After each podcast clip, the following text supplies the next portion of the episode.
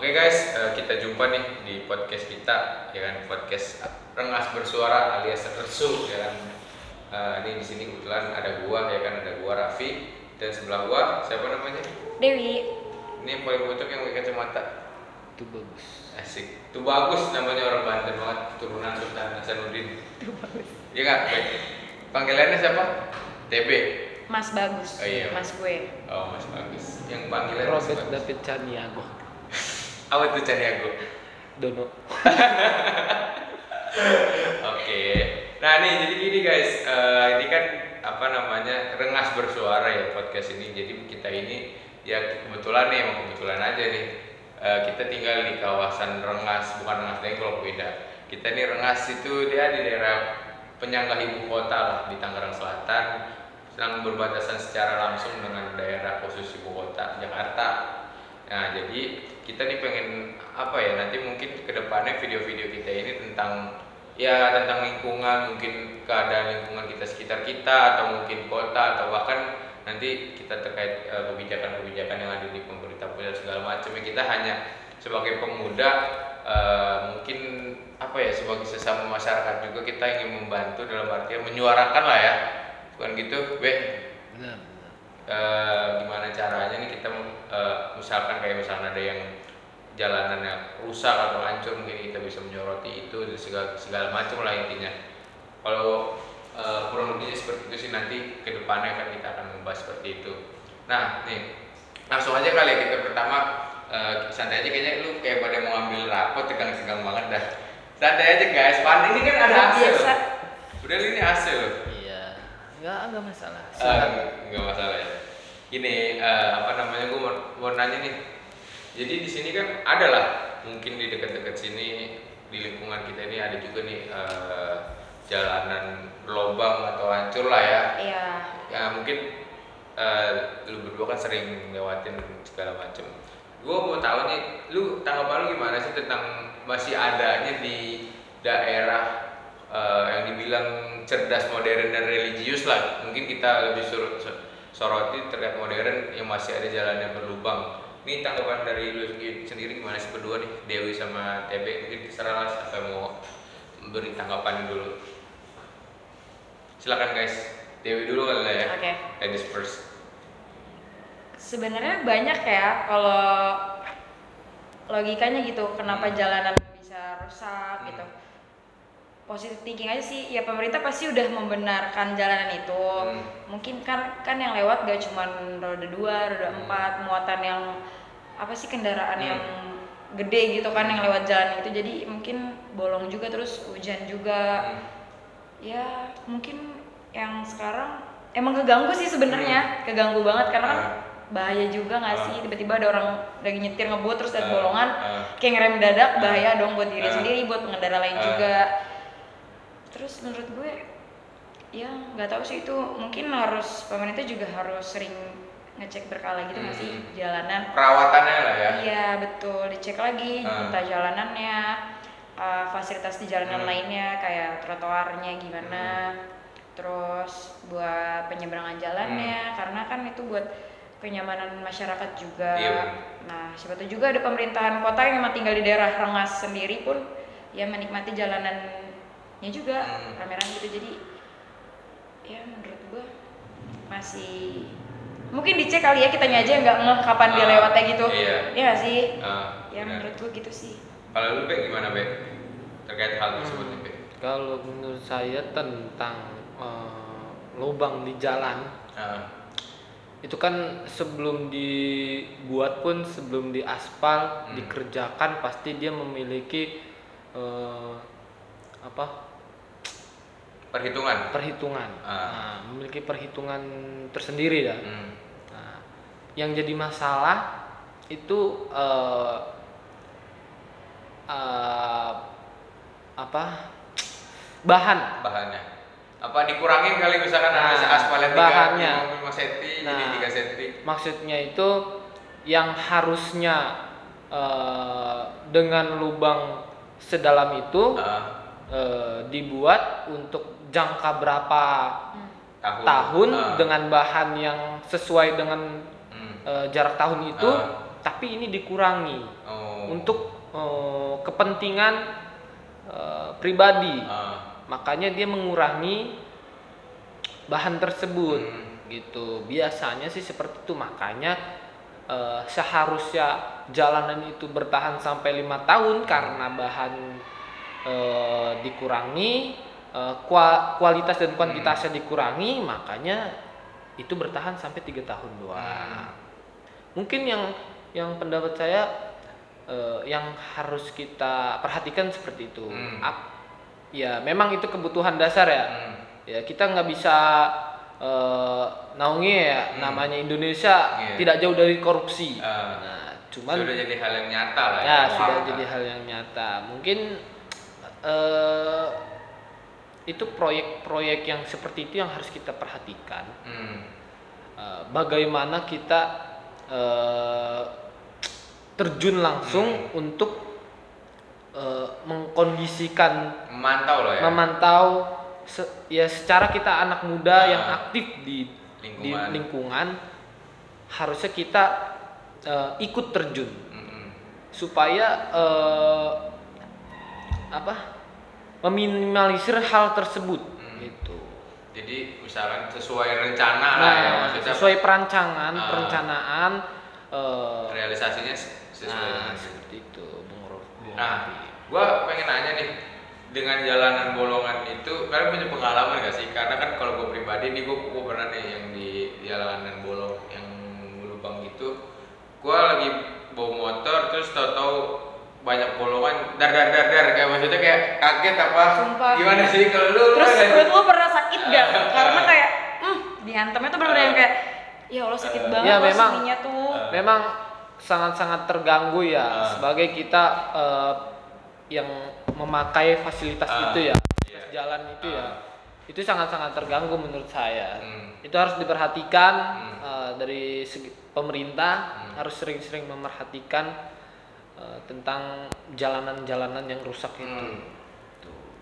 Nah berarti itu sangat pengaruh lah ya kalau menurut lu pada kan kayak jalanan itu apalagi kalau misalkan naik motor, entah naik motor atau naik mobil lah ya Mm-mm. pasti sangat terganggu dan sebenarnya gini loh teman-teman ini kan eh, pembuatan atau perawatan jalan sendiri kan menggunakan APBD Ya. APBD anggaran pendapatan belanja daerah di mana anggaran pendapatan itu kan berasal dari eh, seperti pajak, pajak misalkan PBB atau pajak makanan atau pajak apa segala macam itu kan tempat eh, uang-uang kita juga sebenarnya seharusnya ya kalau menurut gue pribadi kan itu kita dijadikan eh, uang punya kita ini uang rakyat ini ya untuk fasilitas kita lagi ya nggak sih Ya, untuk lagi. Ah, untuk kebaikan kita bukan misalkan ada dengan adanya jalanan bolong berarti kita sebagai pengeluar anggaran itu kita mempertanyakan dong kayak nih uang kita APBD dipakai buat apa sih kok kenapa jalanan aja masih rusak ya nggak sih gue gue kadang suka bertanya-tanya tau kalau lu gimana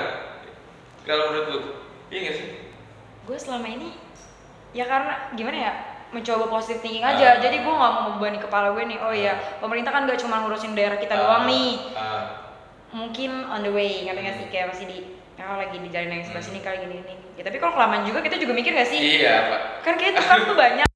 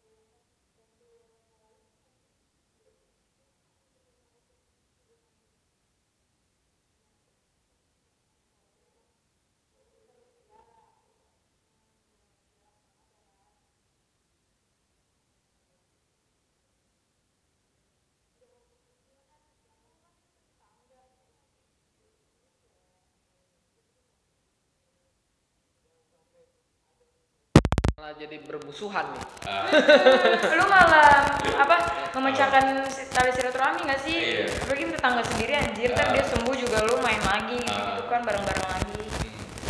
Nah, enjoy aja gitu. Sepakat sih gue karena benar kata lu gue gue punya saudara waktu covid dan waktu keluarga gue juga nanya "Lek, eh, misalkan bude gue atau ade gue Hmm. lagi butuh apa? Maksudnya butuh makan kah? Butuh obat kah? Jadi kita sesama manusia yang membantu iya gak sih? Ya apa nih kebutuhan Ah. dia yang susah lagi dia Ah. gapai misalkan Ah. mau beli ini jadi nggak bisa gitu Iya. gitu kan kita bisa bantu iya yang penting kita stay safe juga Hmm. iya nggak sih iya dan berarti menurut lu butuh nggak sih nih misalkan masyarakat yang isoman di rumah ya bukan isoman kayak misalkan di Iya, tempat terpusat lagi. Hmm. kayak misalkan di wisma atlet atau di rumah lawan covid ini kan di rumah ya misalkan mereka kan bisa ke mana-mana berarti butuh nggak sih kalau menurut lu bantuan kayak misalkan bantuan sembako kah atau bantuan uang tunai kan apa gitu. Ya memang selama ini bukannya dapat bantuan. Bantuan itu kan bukan untuk yang isoman. Tahu gua karena gini yang gua gua tahu ya jadi mereka itu eh, RW atau RW-nya itu atau mungkin kelurahan dia itu gotong royong. Bersatu misalkan mendonasikan siapa yang mau mendonasi dikumpulin nih sembako misalkan. Jadi wadah gitu ya? Iya untuk warganya yang lagi isoman jadi saya nggak tahu sih kalau dari pusat itu gua nggak tahu ya. Setahu gua sih itu jadi rata-rata pengalaman gue dari, dari RT RW atau kelurahan yang gotong royong sendiri. Belum ada dari bantuan. Bantuan tuh hanya ya kayak misalkan contoh BST lah itu kan bukan untuk itu untuk yang terdampak covid tapi bukan yang saat isoman. Ya gitu loh.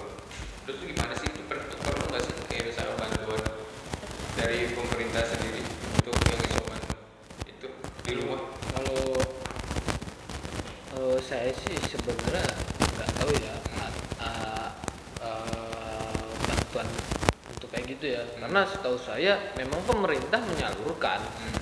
menyalurkan bantuan tapi yang yang sudah terdaftar mungkin ya Hmm.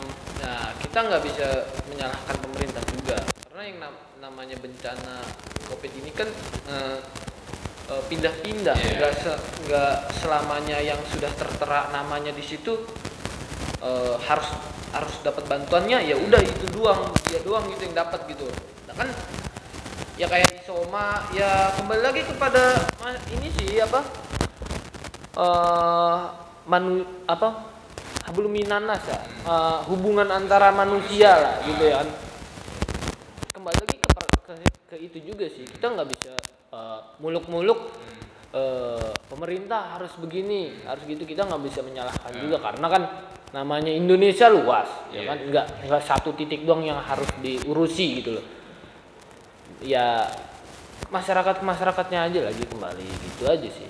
Saling gotong royong ya lah gitu. Intinya sih seperti itu. Saling membantu. Benar sih, sepakat gua Eh, ya gimana ya? Maksud gua nih tadi kan kita udah banyak juga ngobrol nih dari masalah apa namanya jalanan fasilitas fasum yang nggak mungkin bukan terawat kurang terawat mungkin menurut kita dan ada juga PJU ya kan yang kurang banget eh, penerangannya atau bahkan itu terkait covid. Ya semoga nih dengan hadirnya kita kita berdiskusi lah kita mengungkapkan ibaratnya kita, kita berkeluh kesah lah ya nggak sih? Kayak kita di sini tidak menyalahkan atau kita hanya berkeluh kesah sebagai warga kan karena jelas dong di undang-undang wah kita itu bebas untuk pendapat ya Bener nggak sih? sama sih dalam ya secukupnya dan sebatasnya nggak sih? Ah. ada ya gitu deh.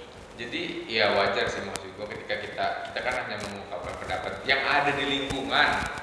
Di lingkungan Sendiri. Ah, ah, kita nggak mengambil contoh di luar. Kita yang depan mata aja karena kadang gini tau manusia ini kadang dia lupa. Sama mungkin gue juga sering kali lah ada teman-teman kayak lu terlalu memikirkan atau terlalu memperdulikan yang di luar sementara lingkungan sendiri aja lupa. Iya nggak sih? Sering pengalaman sih pengalaman gue pribadi juga begitu. Jadi ya nanti ke depannya mungkin kita pelan-pelan lah kita berharap dengan adanya kita lah mungkin ya bisa menyuarakan keluhan ya kan nanti juga kita nanti ke depannya bakal ngundang warga-warga ya kan atau masyarakat ya kan ibu mama apalagi ya kan Betul. kayak sekarang nanti mungkin masalah minyak goreng ya kan yang langka sembako deh yang benar-benar Ah. di rumah harus ada banget gitu Ah. kebutuhan pokok Ah, buat pangan ah. mungkin nanti banyak nah apalagi udah mau puasa ya kan mama kan Nah, biasanya oh, pada ribet ya kan nyari banget gak sih pasti?